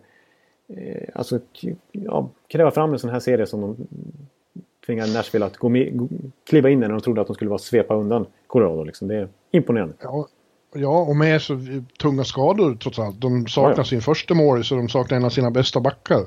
Ja. Eh, och, och, lyckas ändå med det här. Och när de vann Game 5 i Bridgestone, det tycker jag var... Det var, det var storartat. Ja. Det är bara att Men samtidigt då så har Nashville bara tillfälligtvis kommit upp i, i, i riktigt hög normal standard. Eh, och när de väl gjorde det, som i sista matchen då när de vann med 5-0, ja. då var det verkligen inget snack längre. När de verkligen samlar sig och nu får vi fan ta tag i det här. Ja. Och jag ja. tror faktiskt att, och det, om inte annat så säger jag det bara för att reta vår lille vän eh, Jarko. Ja. Som, nu, som nu håller på Winnipeg som påven håller på Jesus ungefär. Ja, det är ingen underdrift. Och han tror att eh, det kommer bli, eh, Winnipeg kommer att slakta Nashville och så vidare. Jag tror att eh, han överskattar Winnipeg lite samtidigt som han underskattar Nashville lite. De är fortfarande byggda för slutspel på ett sätt som ingen annan. De har en eh, otrolig bredd eh, och mm. kan ta in och ut spelare om det funkar eller inte funkar. Och tänk, de har några stycken nere i, till och med i, i sin taxi squad nu som ju faktiskt var med i finalen. Fredrik Gaudreau och sådana. Ja, som är långt ner i hierarkin nu som, alltså för att de har sån bredd. Men ändå står i kön liksom i dörren och bankar på och vill komma in. Ja, alltså i senaste matchen när de vinner med 5-0 mot Colorado, då sitter Ryan Hartman som de offrat första val. Han sitter scratchad uppe på läktaren. De har Hartnell uppe på läktaren. Och Eli Tolvanen som vi snackar så varmt om. Som en joker ja. här. Han får inte heller spela för att de har så otrolig bredd. Ja. Och de har sina fyra fantastiska backar. På backsidan tycker jag de är helt överlägsna Winnipeg. Eh, det är de inte på forwardsidan men där är de jämbördiga. Och målvakten, ja Pekka hade några matcher, eller några ingripanden, inte hela matchen, men några ingripanden som var sådär. Framförallt i början av matcherna, av vissa matcher. Mm. Men om han kommer upp i, i liksom riktigt slag, mm. då är han ju, kan han vara omöjlig. Precis. Ja, jag tycker det, jag skulle, om jag skulle jämföra lagdelarna så tycker jag väl att eh, målvaktssidan är väldigt stark hos båda. Pekkarina har ju större erfarenhet men Hellebuck är väldigt bra. Och har varit ja, väldigt jämn den här säsongen. Ja, det är med jämnbördiga det. Det kan jag hålla med Och backsidan, där håller jag med dig om. För där känns de lite banged up också. Visst, Toby, de, liksom, de har kommit tillbaka lite nu. Enström är faktiskt tillgänglig att spela och Tyler Myers skada var inte så illa som man trodde. Men Dimitri Kulikov är fortfarande inte aktuell för spel. Eh, det är svårt mot, mot Nashvilles topp 4 liksom. Det, mm. det, det, det, är ju en nivå under, tveklöst. På forwardsidan däremot, där tycker jag nog att att, att bredden i sig, där är Nashville, där slår de eh, mm. faktiskt Winnipeg. Men spetsen på bredden, eller, eller så här, bredden på spetsen, tvärtom. nu blir det helt fel. Det var ju det, så, här, så här kan man uttrycka det, nu, för, nu, nu ska jag försöka inte göra rörigt här. Att eh, spetsen på bredden, nej, fel, fel, jag börjar Vänta, bredd, förlåt, förlåt. Du kan säga att de har fler spetsspelare. Ja, precis. Och att... att, att... De har framförallt två kedjor som är, eh, är första kedjor nästan. Ja, precis. Medan Nashville har spetsigare breddspelare om man kan säga så. Ja, ja det kan man säga. Mm. Det, det, det, är ju helt sant. Fram, framförallt känns det som att Winnipeg har två första kedjor. Ja, precis. Det är Shifley och Wheeler och, och Connor och sen är det Lina och Ehlers och, och vad heter han Stasny. från St. Louis? Ja. Det är ju snuskigt bra kedjor. Men... Så det, jag, jag skulle vilja säga att det är en mycket, mycket svår eh, serie att tippa. Det kan gå hur som helst. Men jag, eh, jag tror så mycket på Nashville ändå.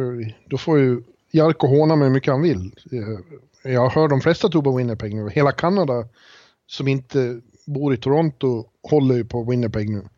Eh, men jag tror, jag tror att Nashville tar det i sju.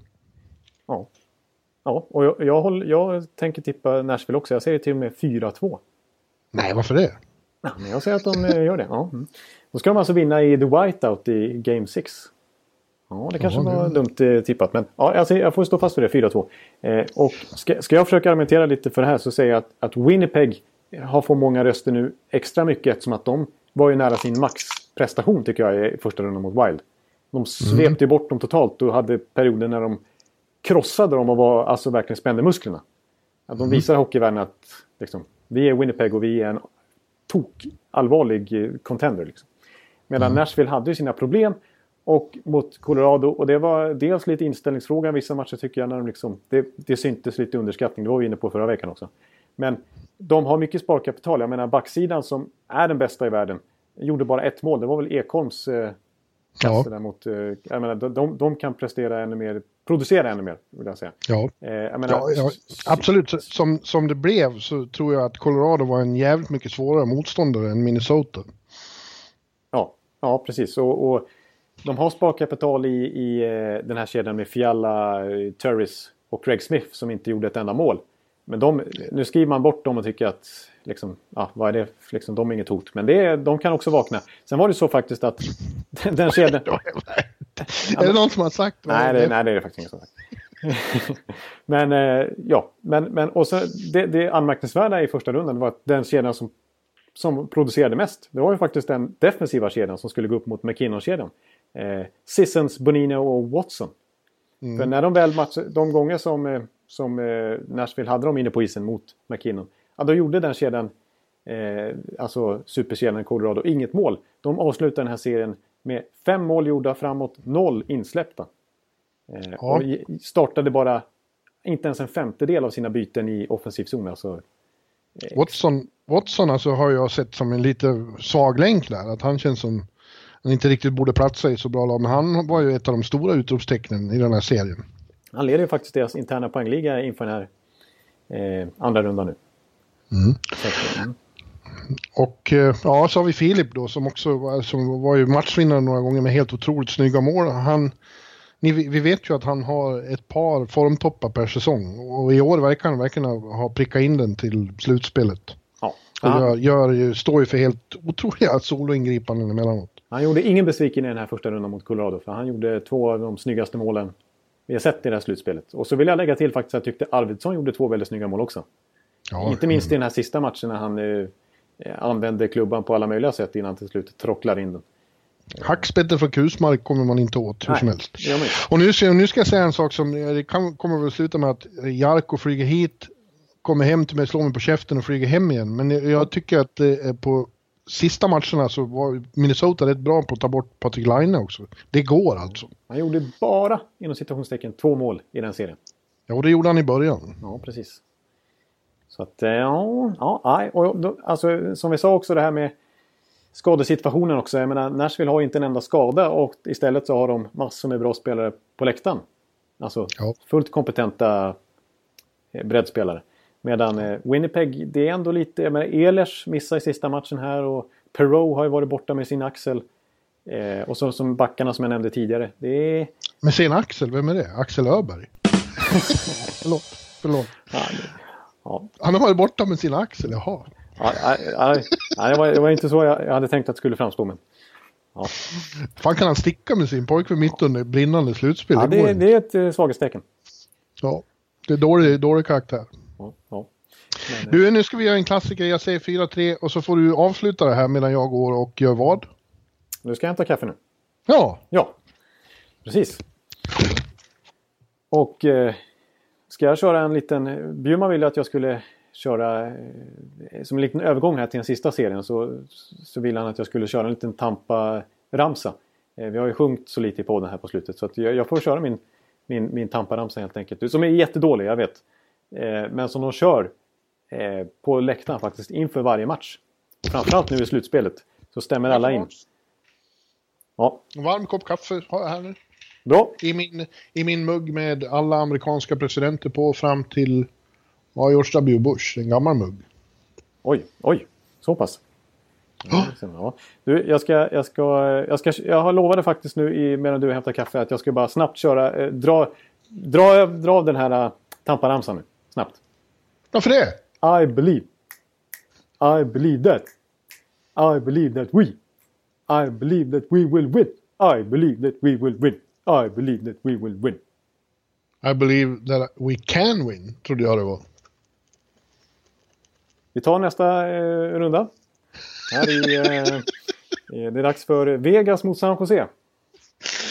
Ah, han gjorde fel i Tampa-sången. Ja. Ja, Viktor har faktiskt lovat, men han är ju väldigt busy nu, Viktor. Men han har lovat att fixa några till eh, eh, musikmixar åt oss. Är det sant? Ja, eh, och vi har pratat om eh, ett, en, en särskild legendarisk felsägning av dig och den kommer handla om Florida Panthers coach. Oj då, ja, okej. Den, är, den är nästan lite vulgär, den, eh, den låten. Det blir Men- så här explicit varning på, på utgåvan. Ja, precis. Det, men det har vi haft några sådana tidigare faktiskt. Vi, vi är Ja. ett hårt band. Riktigt underground ja. metalband är vi. Ja, verkligen. Två, två eh, hårdingar. Ja, så är det. Du, eh, ja, en serie kvar har vi ute i Pacific. Och det är lite märkligt alltså, de har ju fått gå och vänta så länge och får fortsätta gå och vänta på att börja spela någon gång. Vegas, som, de svepte ju varsitt lag och Vegas, när fan var det? Det var ju långt över en vecka sedan nu. Ja, det känns som att det var eh, i oktober ungefär. Nej, men så känns det inte. Men, men de var ju klara Ja, men det, Ja. Så vitt jag förstår började de spela på torsdag och, och då har det gått tio dagar sedan de senast spelade. Det är inte helt lyckat. Ja, det är nästan för mycket. Ja. Om man kan uttrycka sig så faktiskt. Ja, men å andra sidan motståndaren har bara haft, eh, har haft nästan lika mycket, Ja. de har haft nio dagars uppehåll i så fall. San Jose som ju också svepte då Anaheim dagen efter. Ja, den, den, eh, den lilla dans marginal eh, kan de inte skylla på. Utan det, det känns som liknande förutsättningar. Ja, ja och eh, ja, Wild Bill har ju poängterat för mig att han vill att vi ska fortsätta inte tro på dem. eh, tro för fan inte på oss. Det har passat oss alldeles utmärkt att vara underdog och nederlagstippade. Det är det vi lever på. Ja. Så att, eh, så att vi fortsätter väl på den bågen då och eh, tror att eh, San Jose blir en svårare nöt att knäcka än Los Angeles Kings. Det, är- det är det man vill säga här faktiskt. Ja, För det, det tror man ju. ja det tror man. Eh, Ja, ja. Ja, nu, nu, ska vi, nu ska vi säga en sak om Vegas. Att det är ju inte bara så att oh, de är underskattade och, och, och de skräller och det är helt otroligt vilken flyt de har. Och, och så här. De spelar jävligt, jävligt bra hockey. ja och det, alltså De spelar som fyra... ett lag och de är ett av de absolut snabbaste. Framförallt i, i, i liksom, när spelet vänder. Ja, och det, ha- snabbhet, det handlar inte bara om rent fysiskt att man är snabb liksom, i båda riktningarna. Utan de är så intensiva. De, de är så snabbt in i situationer. Alltså, man får ingen yta liksom som motståndarbackar till exempel. Eller även, Exakt, de är lika snabba i forecheckingen som de är när de kommer i anfall. Liksom. exakt. Och i neutral zon, där blir det också omständigt att liksom hitta ytor och, och göra fina passningar till varandra. Det är det, det, är det som gör det så jobbigt att möta det här Vegas-laget i 60 minuter och så flera matcher i rad. Liksom. Ja. Eh, Och jag menar 4-0 mot Kings, det säger ju ganska mycket ändå. Alltså, ja, det gör det verkligen. Och att det inte var några liksom... Det var verkligen inga vilda västermatcher utan det var ju knallhårda, målsnåla, eh, tajta matcher Där de ändå liksom pressade, krigade sig till segrar. Exakt, och, och i, när, när det skulle bli den typen av matcher då såg vi, såg vi framför oss att oj, då kommer Kings veteraner att fälla avgörandet liksom, med deras rutin från just den typen av situationer. Men mm. så kommer Wild Bill där som säger att ah, jag spelade i tredje kedjan i Columbus förra året. Eh, och har aldrig vunnit en slutspelsrunda. Och så kommer eh, John T. Marcy och säger jag har skickats runt i fyra olika klubbar och blivit tradad av Florida Panthers här. Eh, och, och, ändå är de liksom, är det de som, som drar längsta strået varje gång. Ja. Att, ja. Ja, jag vet inte. Låt mig säga så här. Jag har, inget, jag har absolut inget emot om, om, om Vegas vinner. Det är ju, jag tycker det är en fantastisk story. Jag älskar att vara där. Stämningen i, i T-Mobile är den bästa i hela ligan. Eh, har varit i alla fall under grundserien. Det är ingen som har varit i närheten av det trycket. Nej. Inte ens Winnipeg, Jarko. Nej. Eh, och, eh, men jag tror att eh, San Jose är ändå bättre lämpade att möta dem än Kings nu med facit i hand så var ju Kings för långsamma. De hängde ja. inte med. Men det känns, och, och, tidigare har väl San Jose också varit anklagade för att vara lite långsamma. Ja. Eh, de, de var för långsamma för Pittsburgh i finalen 2016 till exempel. Precis, det var ju det man pekade på allra tydligast. Ja, men det känns som de har eh, kommit tillbaka lite, eh, blivit lite modernare och snabbare. Eh, Absolut. Nu. De har ju några, Evander Kane har ju kommit in och varit en succé. Och ja. har varit jättebra i sitt första slutspel någonsin. Ja. Jag tycker att de här lagen känns ganska... Eh, helt olika naturligtvis förutsättningar som klubbar och sådär. Men, men som lag sett så är de ganska lika. Det är ganska, det är, jag vill påstå att San Jose är ett ganska snabbt lag. Att de ja. kunna, borde kunna stå upp mot den här, alltså det som kanske är Vegas främsta egenskap. Liksom, just den här speeden och intensiteten. Mm. Eh, och, och sen också... Liksom, båda två har en stekhet målvakt. De ligger faktiskt ett och två i räddningsprocenten. Alltså Martin Jones har ju varit lika ja, det... som Mark-André Fleury. Ja, det är, det är lätt de två bästa målvakterna som, som möts. I de fyra matcher de spelade så var de lysande precis hela tiden, båda två. Ja, exakt. Alltså, de har inte haft en enda, en enda svacka på de fyra matcherna. De var klockrena hela vägen i princip. Mm. San Jose har också, men det har ju faktiskt Vegas med. Att det här med, du pratade förut om bredden och secondary scoring och så. Och det, det har ju det har ju båda lagen. Alltså, det är kanske det som har imponerat allra mest med Vegas. Eller ja, det är en av de saker som också har imponerat är ju att liksom Carpenter och Tush och allihop och Haula och vilka kedjor som helst gör mål och bidrar. Ja, Brady McNabb kan ja. klappa in en kassa också liksom. Men det har ju San Jose nu också. Liksom. De har till exempel en fjärde kedja där Marcus Sörensen gjorde mål tre, tre matcher i rad. Tre mål, ja. Mm. ja. Sören på rören, som de kallar ja. honom i Djurgården. Precis.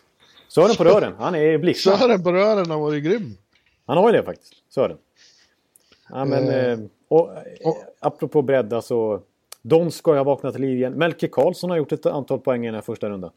Han spelar ju med, med, med ja. Sören på rören. I, och, i pra, och, pra, och, och pratade om det att ja, våra uppgifter är ju framförallt defensiva och vi ska stänga ner och så. Men, men just Sören på rören, han sa inte så. Marcus, men jag säger, Sören på rören sa han då är, är, också, är ju i grunden en extremt skicklig spelare som med, med, med offensiv udd. Så han var inte så förvånad att han faktiskt eh, gör mål också. Nej, från SHL-tiden så känner man igen honom som en spetsspelare. Liksom. Det var därför han tog sig Sören till... på rören. Var han ja, bra i... Precis. Eh, men Hertel var det bra också. Mayer fortsätter och är också en snabb spelare. Intensiv, skjuter mycket. Eh, mm.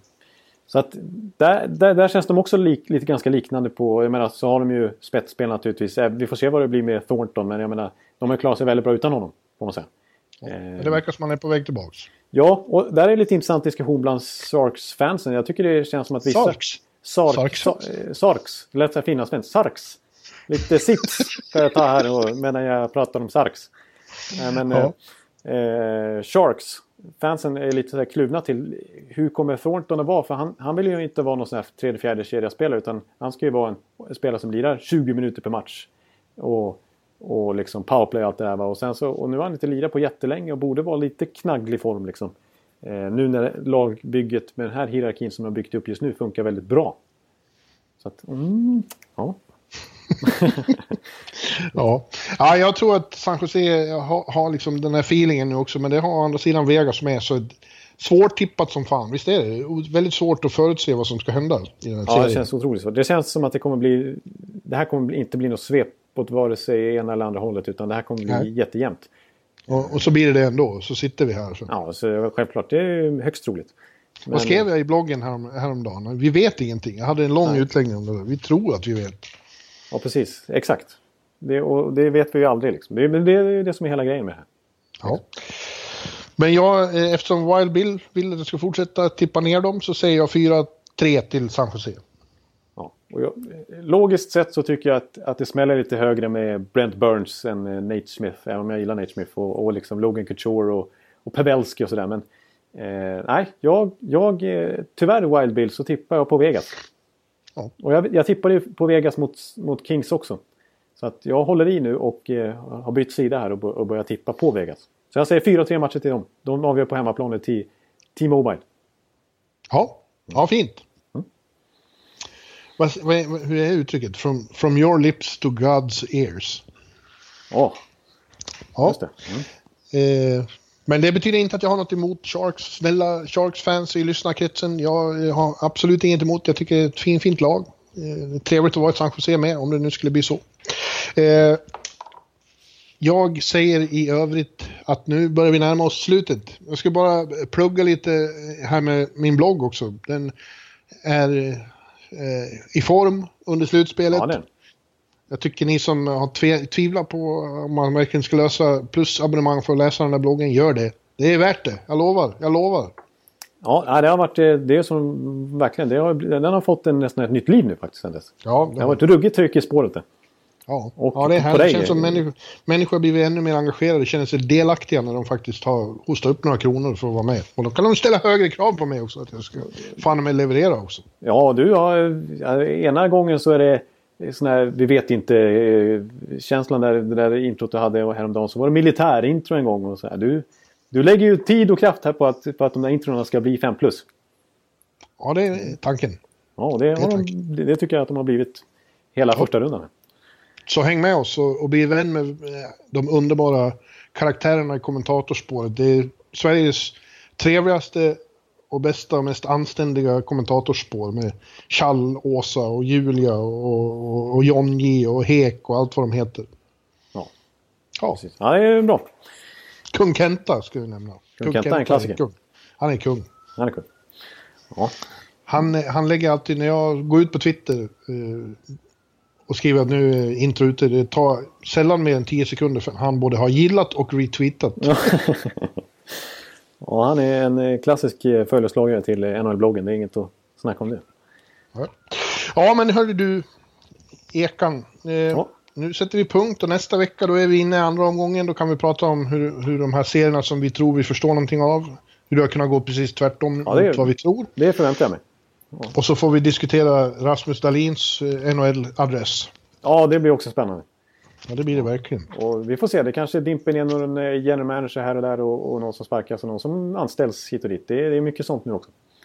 Ja, att, eh, det är det. det är spännande NHL-vecka framför oss igen. Ja. ja, men du, då får vi säga tack för den här gången. Ja, vi säger tack. Och jag, jag tror jag avslutar, chockar lite med en annan låt som outro är. Jag, jag, jag lägger den absolut hårdaste låten som One Two Punch Feet Sophomore Slump någonsin har gjort. Eh, det är någon imitation av en tränare här som är extremt explicit. Ja, Den, den kör vi. Så att, eh, tack, tack för den här veckan. vi hörs om en vecka igen. Hej, hej! Hej!